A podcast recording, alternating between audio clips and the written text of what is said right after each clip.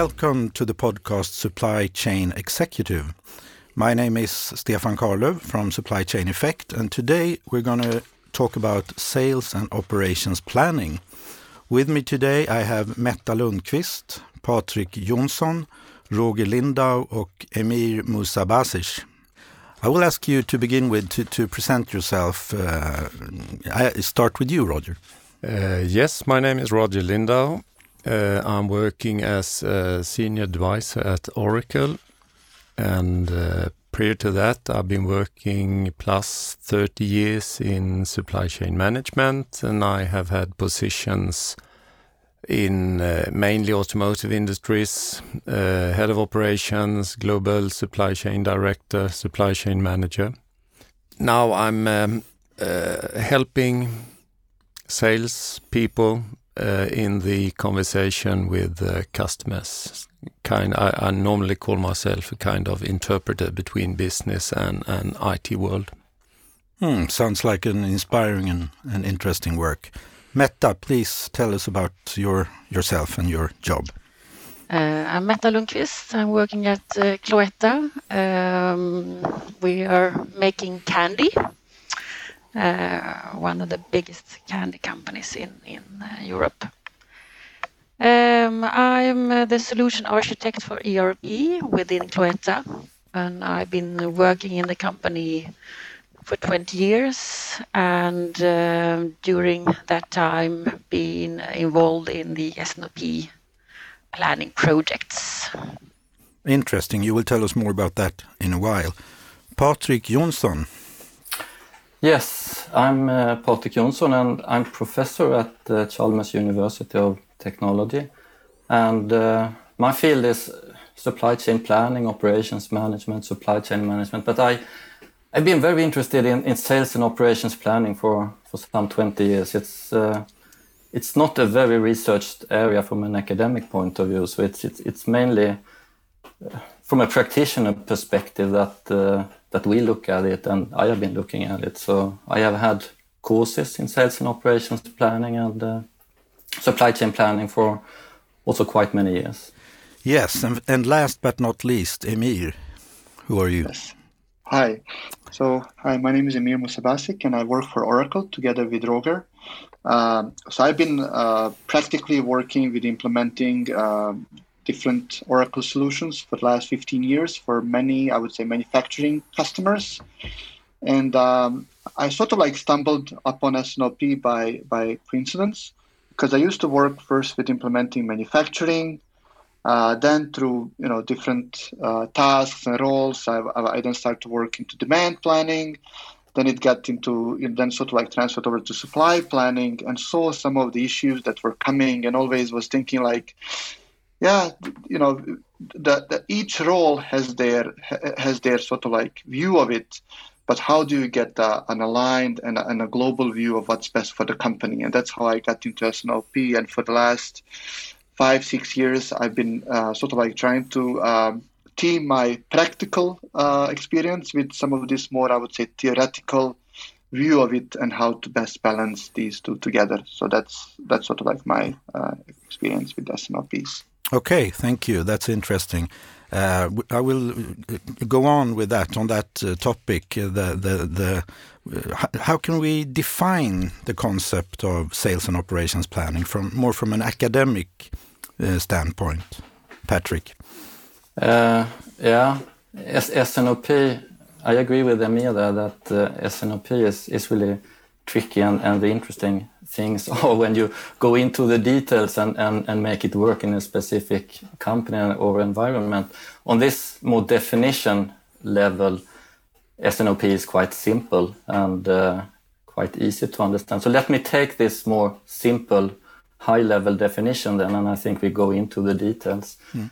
Uh, we normally say that sales and operations planning is a long term and not so detailed planning process to work out and decide about overall future plans for demand and supply, i.e., what we plan to deliver to the market and what we plan to, to buy and, and make. And to make sure that these two plans or, or types of plans are balanced over the long uh, over the long uh, horizon and And this means that uh, we need to involve lots of functions and departments because almost all departments in a company affect this balance, either the demand or the supply in the long run. So then it makes this becomes a very cross-functional process, and it's also about uh, making trade-offs and prioritizing between the different functional plans, and therefore we also need to have this strategic perspective to uh, to make these priorities and and assess these trade-offs, uh, understanding what is important from a company's perspective, more more top top management perspective, and then finally we make this overall balancing of the plans in order to have a, a, good environment on the functional level to make this operational planning and execution. So, I mean, if we agree on the long horizon, this, this makes sense. These are the volumes we will deliver, these are the volumes we will make. Then we have a stable situation to really make the operational production plans, purchasing plans, and, and so on to, to execute uh, within our functions. So, so that's, that's uh, how I see, and I think uh, when you also look around, this is this is a quite common understanding of S&OP on this helicopter level. Then mm. it seems to be a core process that almost all companies should should have, but still the concept was born as late as uh, in the 80s, I think. That's correct. If we look into the literature, it was first mentioned uh, I think it was 88. Uh, Goddard Ling uh, had a book, uh, I think it was called Orchestrating Success.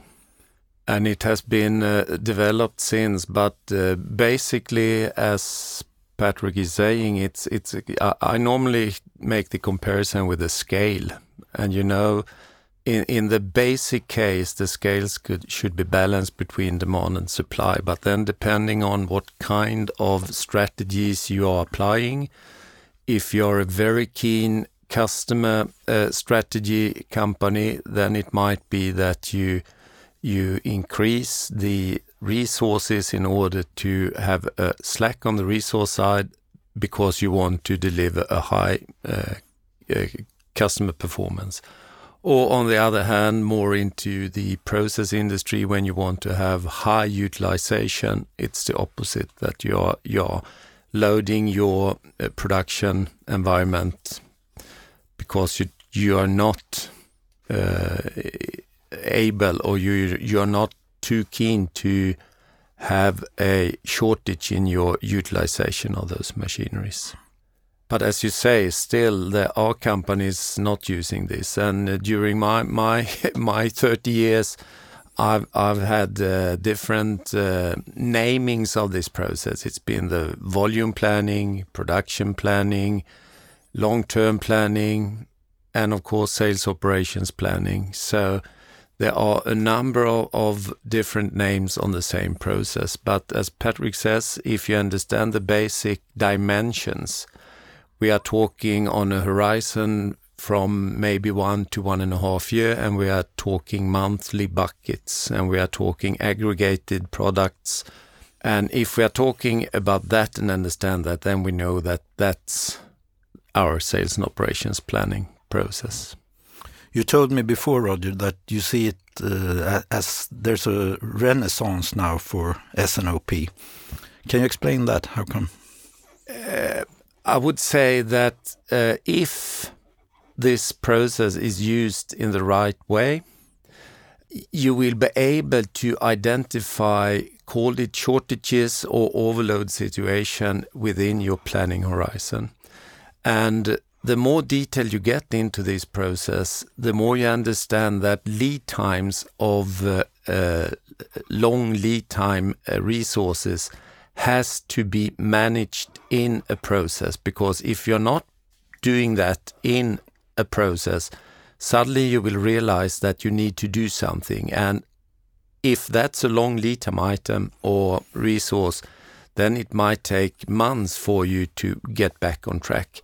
And uh, with the uh, past in, in mind, with all those shortages, stops uh, incurred by uh, politics, countries, etc., because of the uh, COVID 19 virus thing. Uh, it might have been that people understand that the process looking at the long horizon and monthly buckets, if we had that in place and are using it in the right way, it would be a smoother environment for us. So I think that's why uh, a lot of uh, eye-opening things has done that we are focusing more and more on this process. I agree, Roger. I think that um, just to add here, it has never been more important to have this visibility because that's essentially what a sales and operations planning will, will give you because it is also the time as, as you know as we've seen that the supply chain disruptions have never grown more. And um, you know we, we we are a lot of us are talking about covid-19 but this is not you know the first time. We've had many of these disruptions that are happening uh, over time. So we had um, you know, in 2000s we had uh, there was a Philips chip plant fire where it essentially had a big impact on Ericsson. We had essentially around 2.3 billion USD were lost because they couldn't really react and there were no alternatives. We all know about the Toyota recalls, uh, where nine nine million vehicles were were sort of like uh, uh, you know impacted.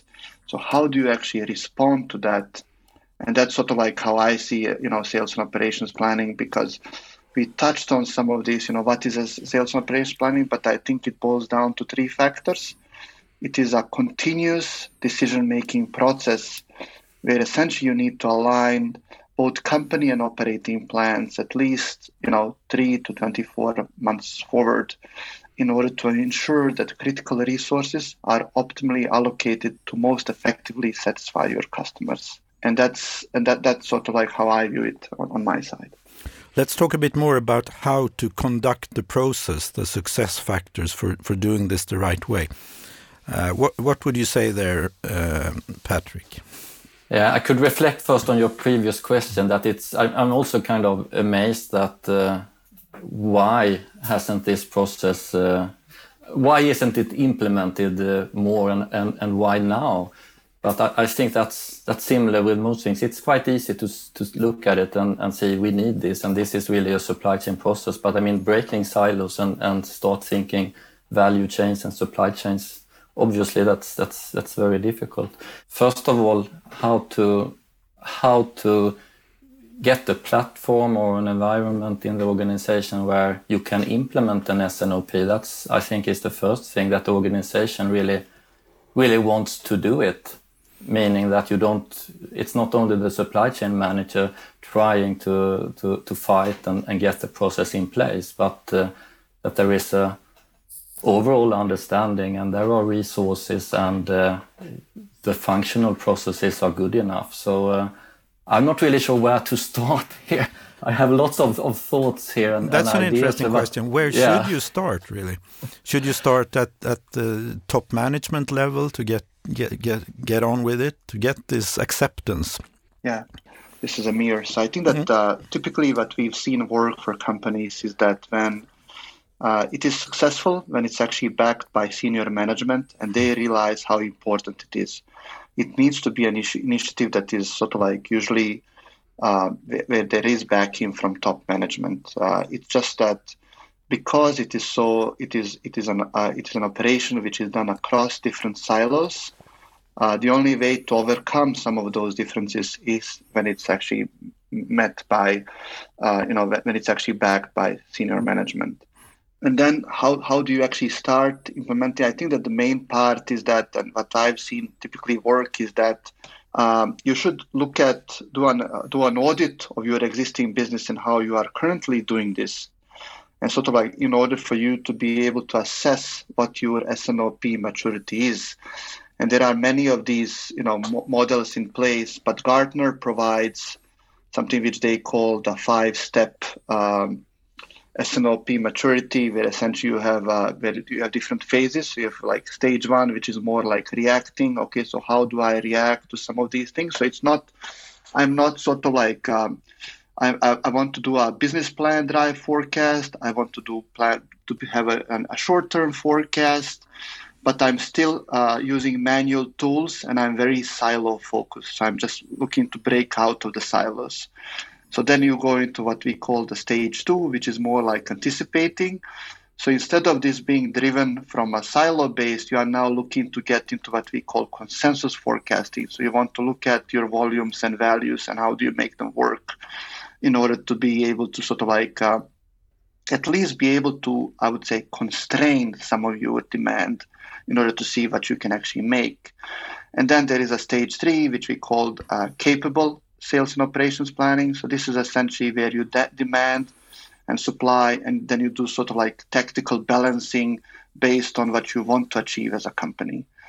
The fourth stage is what we called uh, optimized planning. So this is essentially where you are able to sort of like simulate, um, you know, your capability for demand shaping, financial reconciliation.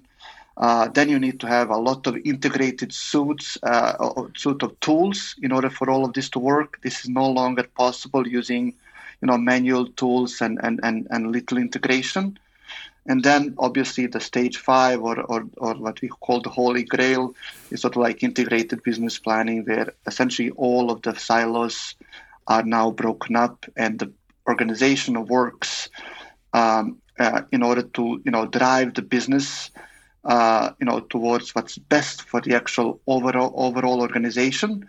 But it is enabled and linked to the strategy of that organization um, and that's sort of like what we've seen. So what we've seen typically work is that uh, an organization can sort of like assess where they are, part of their maturity, and then based on that, you know, how do I get them to the next stage? How do I get to the next stage in order to prepare, prepare a strategy? Uh, but it should be backed by by top management because if you need to break across silos, that's the only way we've seen it. Uh, you know that that you can actually do that.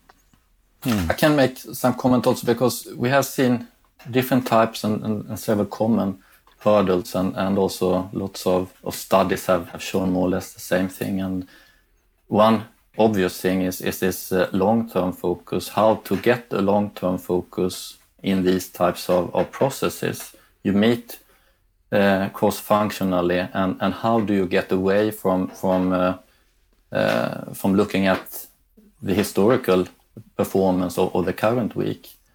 Uh, how do you how do you skip the backorder slide in the discussion?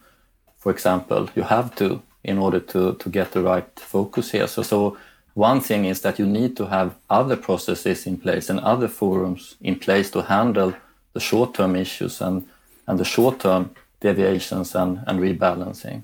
Without that, it's it, it's extremely difficult to to get the right focus in the meetings.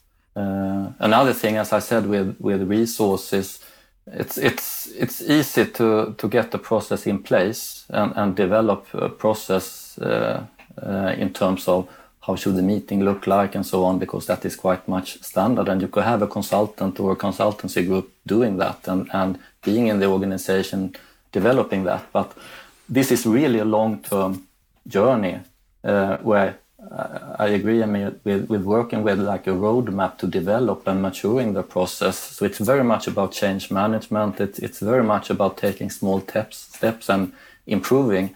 And then you really need to have dedicated people internally. And I would say more than one person that is really dedicated to it and developing internal knowledge uh, around this. Mm. What would you say, Metta? Oh, we started 2008, okay. uh, the first round, uh, and then we took the help from a consultancy firm, so Oliver Wight. Um, and I think that's crucial. You need to. It's hard to do it from scratch yourself, and there we could just take their templates and uh, get on with it. Um, and then it was a, a big. Um, investigation from uh, investment from the company. Um, so we were, I think, hundreds, hundred people involved in uh, all the different uh, uh working groups. But outcome was, I think, we we had uh, three, four months of a project uh, to get it going, and then we had um, product demand, supply, and management up and running since then. Where would, would you say you are in, in terms of maturity here? Are you a bit from the uh, Holy Grail, I suppose? yes, uh, we have just started a uh, project in in getting a system. So we're on step two, I think. So we have it in place and we have the process is there, but um, we have problems with we are digging into details. It's uh, not long term enough. Um, according to Oliver Wight, you should not have a, a budget process really. You should just decide that uh, you take the, for example, the plan from October, and then that is your uh, budget for the next year. But we have still two, three months uh, budget process ongoing in parallel.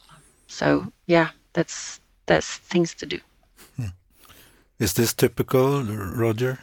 Well, I'm listening, and uh, I I have experiences from uh, similar cases because I have learned that you need to know the big picture as Patrik started. You need to make it simple. You need to have this scale picture because as so many different functions uh, participate in this process, it's easy if you haven't got this kind of uh, firm uh, objectives with your process that everyone is bringing their own little challenge or problem and then eventually everything is messed up because then you're supposed to make this like a, a solution for everything but still you then you have to to look at the horizon the basic definition the scale, supply and demand, and then start from there.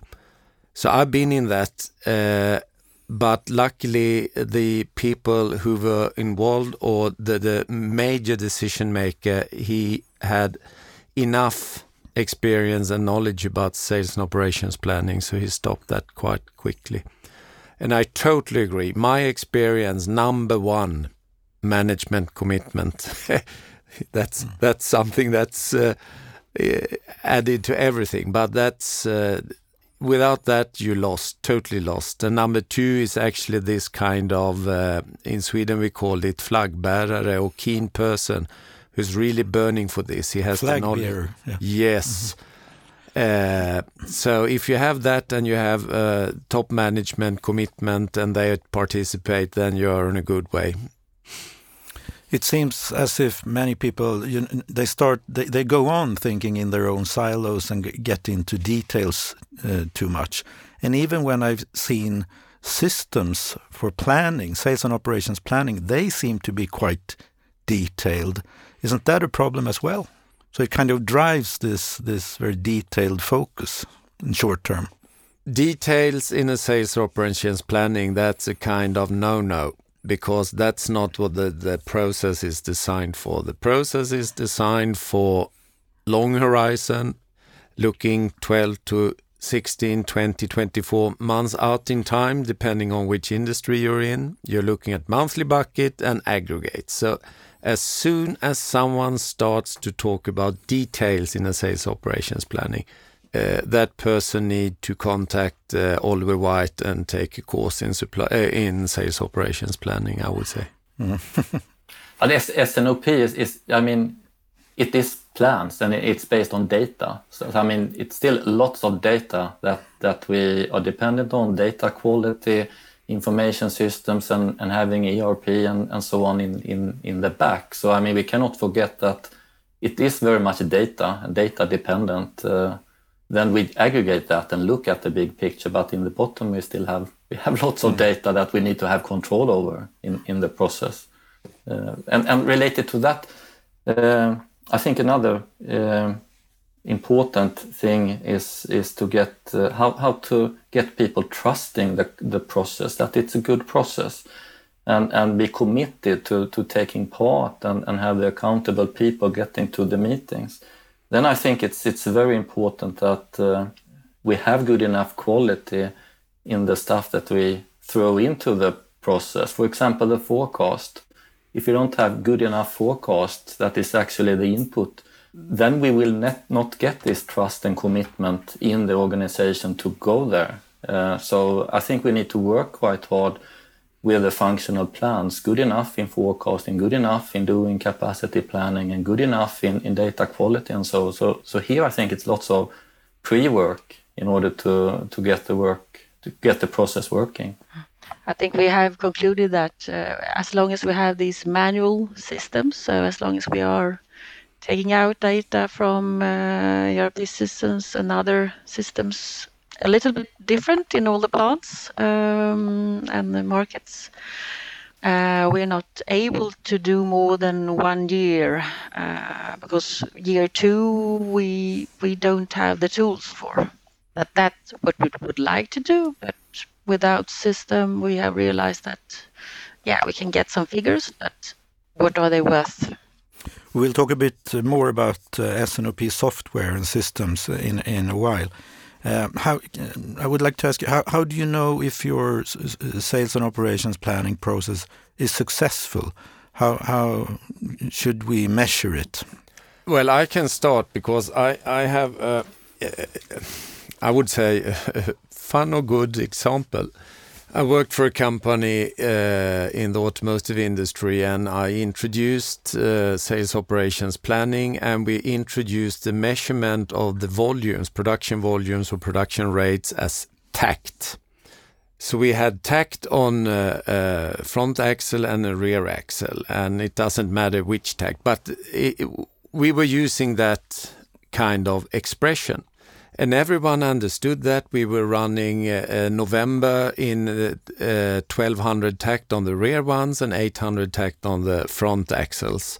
And eventually, when you spoke to the people on the floor, everyone could talk about the kind of load on their different departments because they were using this takt and they could uh, compare if it was a low takt or a high takt or whatever, and they could understand if they were a high load or a low load. I left that company uh, five or six years later. I was there visiting the plant manager. I was waiting for her in the reception, and I spoke to the the girl in the reception, and uh, I talked to her and I asked her, "How's the plant doing?" Well, we are running 900 takt, she said. Oh, is that good or bad? That's really good, she said. So that stuck into the whole organization. And I would say one measurement which is very, uh, from a qualitative point of view, it's when you get everyone in a company talking the same language, understanding the directions, and all those micro decisions are supporting the, this direction. But if you are talking money, uh, delivery precision, inventory, and things like that, there are so many steps in between the sales operations planning until that micro decision. So, from that point of view, I will pass to someone else to talk about that. But th that's my experience. I, I, I had a similar reflection uh, actually when when you when people talk between the meetings about the issues in, in the process, then I, I then they like it and, and then they, they think that it, it's working. When you go out in a factory and, and hear uh, people, uh, when you ask them about S&OP and they say it's something strategic taking place at the headquarters, then it's something that is not probably working. Uh, and uh, as I said, when you're stuck in the back order slide, and that is the most interesting thing to discuss also among managers in the process, then it's something not really working in the process. So it, it's easy, I think, to, to, to find indications when it's not working. But uh, everyone asks me also when I go out to companies, where are the business cases so we can uh, show what we will gain when we spend all this money and, and effort? I don't really have that. Uh, Hmm, that's interesting. It's it's a bit difficult to sell to the top management, perhaps, if you don't have those clear KPIs, I suppose. Of course, it has so many positive effects if it's working well, but uh, how can you really relate what you do in S&OP to the, to the quicker uh, expansion in the market or, or, when you're cutting down in inventories and then you identify the weak weak suppliers and so on? I can uh, read from uh, our slide about the purpose. Um, then it's drive profitability growth using a common process. Then it's uh, alignment of commerce supply finance with one set of the numbers. And then it's uh, enable long-term decision making linked to strategic objectives. And then it's also um, by doing this that is then uh, order to drive more sales with a higher profitability, a higher working capital efficiency, and continuous improvement of one way of working. So that's That sounds rather clear, I think, doesn't it? Yep.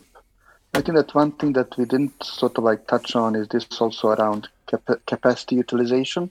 So how do we look at and get to a plan, sort of like capacity plan versus the actual plan, and how do we see that? Because if we are able to get that as a percentage of the total production plan capacity versus you know what what we actually planned for, and we see that there are gaps there, there are lots of savings that can be made which obviously is then very lucrative uh, to the to, to, to, the senior management. Uh, and and one additional part that, that I've seen companies measure is the order cycle times. So that is essentially how quickly can we shift between orders and how quickly can we actually uh, know between uh, the time that a customer has placed an order and when the order is received in full uh, and then sort of like ship to the customer. I think this is an important metric, which will also increase uh, profitability.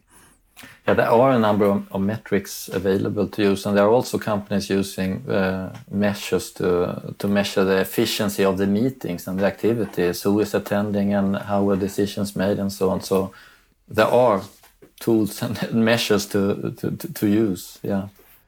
I think that this is actually one of the um, uh, critical future critical success factor for the sales operations planning because when you get people together talking, balancing, you know, uh, tearing the silos down, everyone is so happy because they talk to suddenly sales and, and operations they talk to each other and they they reach consensus in certain things and just by doing that, they are so happy. So everyone is normally quite happy after these meetings.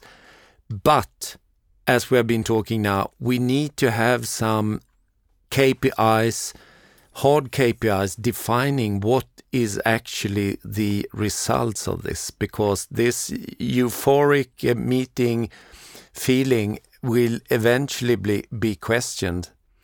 And if you don't know the the uh, hard facts uh, when you, you quantify, you can't uh, improve the process. So I think that's something, uh, Patrik, for us in our next uh, step to to actually look at these things. I think that's really really important. We've touched upon it now several times, but but uh, let's discuss what functions should be uh, involved in the process and, and how should they work together. anybody? Do you have any because everybody can't be involved, can they?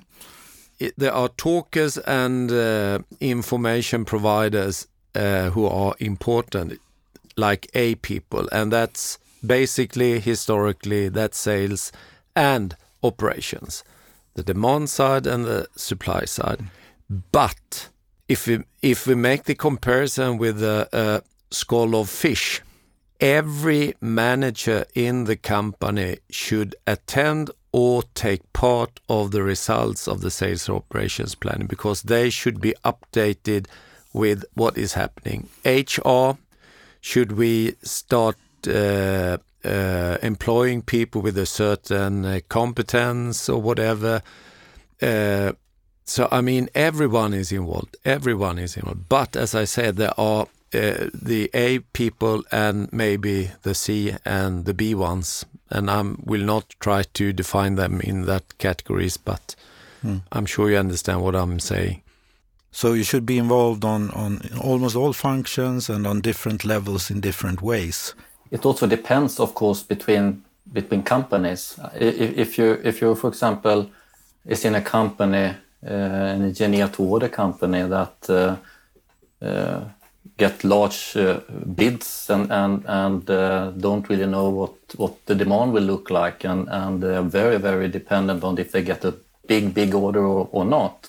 Uh, then of course engineering needs to to be have a critical uh, part in the supply planning and the capacity planning, which they perhaps don't have in a more make to stock stable situation. If you're a company that can phase in and phase out products very fast with high profit margins and, easily produce them, then of course it's it's very important with this financial and and uh, product uh, portfolio planning that takes part. That perhaps is not as important in other environments. So of course, the the role and the importance and and and uh, how how they what what role they take, of course, differs. But I think the gross list is more or less the same. The different functions which are relevant, but they get they get different roles, and we configure the process differently. So engineering may be as important as production capacity planning and engineering staffing uh, planning in some environment, while it's not in another. You talk about the importance to to of um, integrating with um, finance. And this also led to a concept called integrated business planning that was popularized for some years ago. Can you explain uh, how, how this evolved and what it means, Roger? Uh, I think, and now Emir, you have to correct me because I think you're more familiar with this, but I think it was an expression uh, uh first introduced by Gartner. And when they saw the traditional sales operations planning, if I'm uh, making it a little bit uh, too easy between sales and operations, they understood that in order to have the total integration, you were much heavily dependent on product management or product portfolio management, and you were also dependent on being able to do the financials on the process to look at margins, to look at uh, turnovers, uh, profit, and all those things. So that's uh, including the finance as well. And when you added those two functions, which were not originally in the kind of A team, then suddenly you have to call it something else, and then they called it integrated business planning. I, more or less agree, right? I think it's uh, it's essentially as S&OP, but uh, you know where you add more of those capabilities when it comes to financials as well. But I would also add that the way I view at least integrated business planning is that we all talk about these sort of like you know regular sort of like uh, events where you know you meet you have a demand planning review you have a supply planning review you then have a balancing review then you have the management review. I, I think that when you get to a stage where integrated business planning it's more or less it's no longer an event but it's just a continuous flow and and the, the, the data and and everything that is related to that should flow in automatically. So you can more or less view it at any time and then tie it to the to the business strategy as as per se. Um, and and that's that's also where you have some of these extended capabilities when it comes to analytics and how do you view this data. You know each role should be able to view the data the way they they they consume it so you know financials team should be able to view the data in in in you know in monetary values. Obviously demand and supply plan demand team needs to view it in a sort of like product terms. Supply team is more like on capacity and everything how do we actually you know how do we actually consume it? Marketing teams are sort of like you know again around you know they view the data very similar way to the to demand planning, but as Meta, you know, I'm sure she, she can testify, there is a lot of these things where okay, so if we run certain promotions, trade promotion planning there is very important for a consumer goods company. And all of these things, once you have them in a in a in a flow of information where it's sort of like roles and it's sort of like it's not event based, but it's just continuous state. That that's what integrated business planning is to me. Mm. So that means it's kind of a more advanced and mature form of sales and operations planning. You, you could say that, yes. That's that's that's how I see it. I I don't see that what is is considered to be part of IBP is something different from S&OP, but but I can accept using another term if that uh, has some benefits like getting new functions that which are not traditionally supply chain management functions interested in on in, in the boat. I see it more as a as a name to to sell the concept and, and the ambition. Is the sales and operations planning word a bit uh, uh, That's old? for me. Is, is it is it is there a problem with semantics here? When, no, it's not. But I, I, I, think sales and operations planning is, is operations and supply chain management uh, terms, and, and, it's not finance uh, design.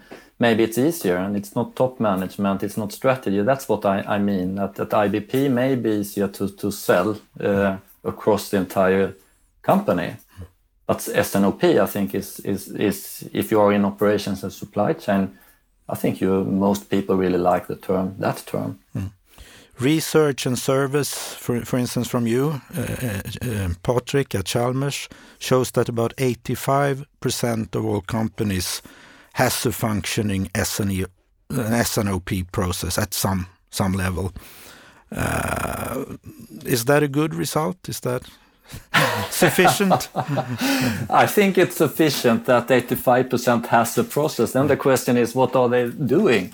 Mm. Uh, because, uh, as Roger said before, I mean, we have known about this process for uh, since the 80s at, at, least. It's been in the textbooks. It's mm. in been in, in the executive programs. We should have something like this, and and uh, it was not 85% say 10 15 years ago i think it has happened quite a lot mm. So, so uh, that's I think that's really good. Now the companies have it, but now they really have to understand that it never ends the work with S&OP. Now they have just started their, their work with, with improving and, and, and working and, and maturing the process and getting more effect out of it. I think in your survey you divided them into five groups, I think, in different stages. Was it five groups? Yeah. Yes, we had we had very yeah. It was very similar to what Emir explained about the Gartner maturity model. So there are lots of these maturity models where the highest level is more or less what we the two highest may be what people call IBP then. Mm. But that's more of a vision, as I as I saw. We couldn't identify it, because you couldn't, couldn't identify one. No, we we couldn't identify any company on, on the highest level. No, so so it may be like that. Uh, I, I, think some companies, maybe it's it's a vision, maybe they never reach the highest stage. Maybe it also may cost more than they, they, they get. I hope not. I believe in this, and therefore I really hope and, and believe that everyone will gain to, to get uh, to get there.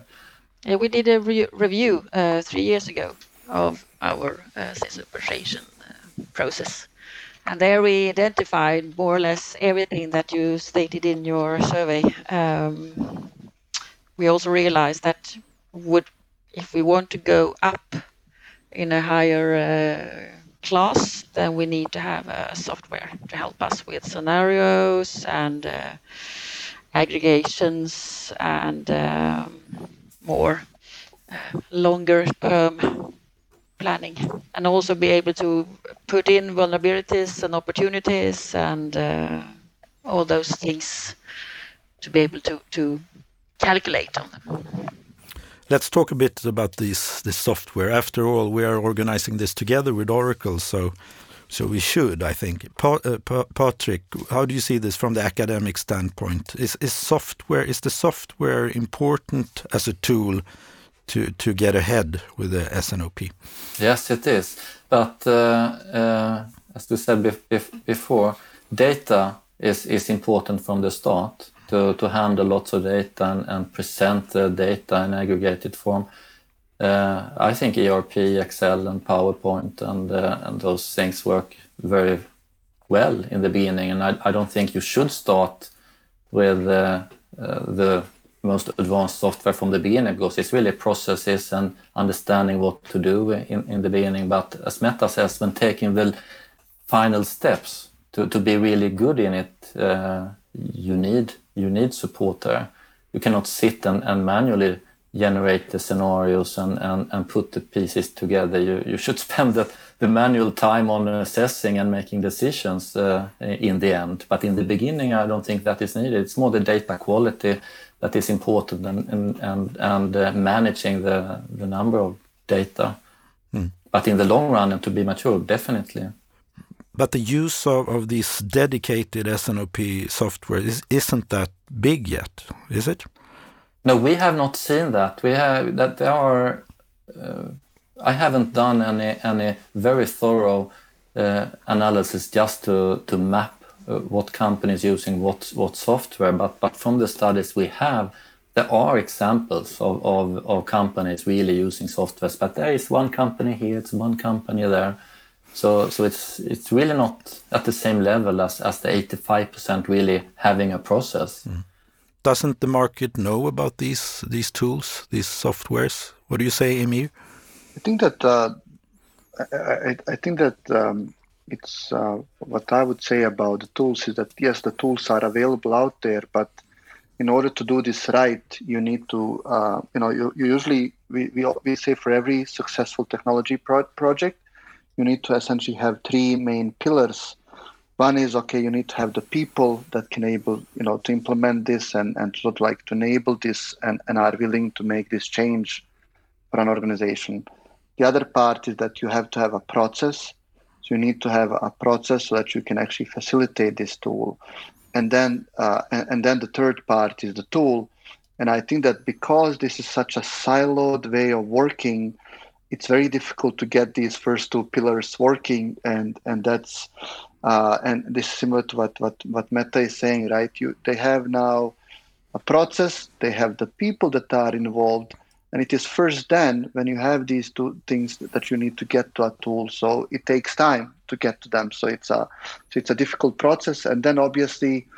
Uh, once you supplement that with technology and add a tool in there, it should help you r- continue to run this process and should hopefully enhance and make the process you know easier to maintain and easier to work with and the main part of any S&OP tool for me is that is, is it should enable collaboration in a way that it works uh, you know it, it, it should show the data uh, to each uh, each member of the of, of, of the sales and operations planning in the language which they which they sort of like view it so as I mentioned previously, right, the finance people should see their should, should see their examples in, in, in monetary terms. Demand planners should see it in a in a sort of like items, supply, in capacity, and that's that's what makes it important. But I think that the reason um, there are tools out there, there there are there are there are companies using them, but if you don't have the people and process in there first, it's going to be difficult to implement a tool and a lot of companies are struggling with this first part. So again, it's a question of maturity, really, in the and to develop the process. And I think there is one more thing that we have just mentioned, and that is if you haven't got the KPIs or the hard KPIs in place, you are so happy with your process, as I said, because people are talking and everything. Everyone is happy with it each month when they have your the decision meeting. So, and if you're happy with something, you are not really developing. But if you had had those hard KPIs and you saw now we need to develop this a little bit further, then the demand for called it uh, more um, comprehensive uh, what if analysis, uh, scenario planning, uh, follow up uh, from the previous uh, meeting, etc., etc. Then it might be that you're forcing the organization to take the next step and, and uh, implement a software tool. As a layman, in when it comes to sales and operations planning, I reflect that what on what you say that you really should have a, someone leading the process. You always have to have a leader, someone who is driving it, and this also, to me, seems to be connected with investing in in the necessary software and so on that someone really has to, to take this whole process and, and be responsible for, for driving it.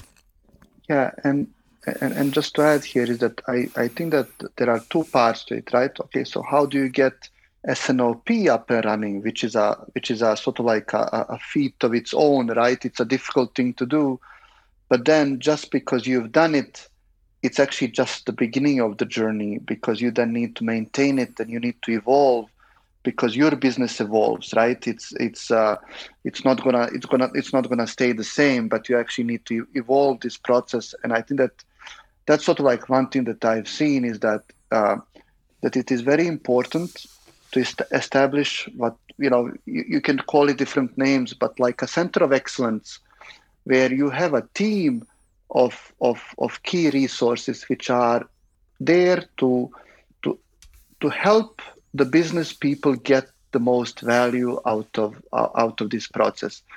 And that is both from a from an IT perspective and I mean that okay so how do we get this data that we need in there so it can support us that we get that we add additional layers of it to make it more practical for us to make it you know evolve with our business? And then the other one part and i think that a lot of companies uh, neglect this part is that you also need this sort of like business type of uh, evangelist that understands the process and is sort of like your internal salesperson uh, champion that is sort of like explaining and and making the the goals of what you are trying to achieve with S&OP uh, clear to everyone that is part of the process. The reviews we have uh, both the start of the uh, process and the review. We always had a mix of persons in the uh, in the working groups. So, for example, in uh, in demand uh, work you also had somebody from uh, product, product and supply and IT participating. So everybody is aware of all the streams. I can also say, yeah, but we need this from you to, to the supply review. And uh, demand can also then ask your product to, yeah, but to be able to make good forecasts uh, in the future, we need we need to know this about new products. So, so it's very important that it's it's it's everybody's working together. I, I also agree with this center of excellence or, or, or team. It, it, it can be one person that is knows everything about S&OP and is burning for it and and it could also be an excellent consultant and, and as long as they are having having the resources and are there it, it may be fine but as long as one of them quit or, or, or moved somewhere else it's not working anymore so so i mean to to make it work, I really believe that okay, one person that's fine, but I, I, think it's more important really that that person actually has a team, that there are some more people that they can take over and get into that. And I'm also thinking about this this team in two phases. The first phase where you really develop the process and implement, it's very much about developing, implementing, and in that phase, they normally also have to prepare the operational meetings but when the, when the process is established, it's more the line organization that is running the process, and this team can more or less focus on on uh, supporting and, and developing. So so it's different roles over time. Also, I see in in, in such a team. Okay, thank you everybody for for a very interesting discussion about sales and operations planning. To me, this is all about really the core of supply chain management actually working within the company and also together with suppliers and customers. So it really should be something that that all companies have very high up on their agendas, shouldn't they? Thank you everybody for a very interesting talk about sales and operations planning.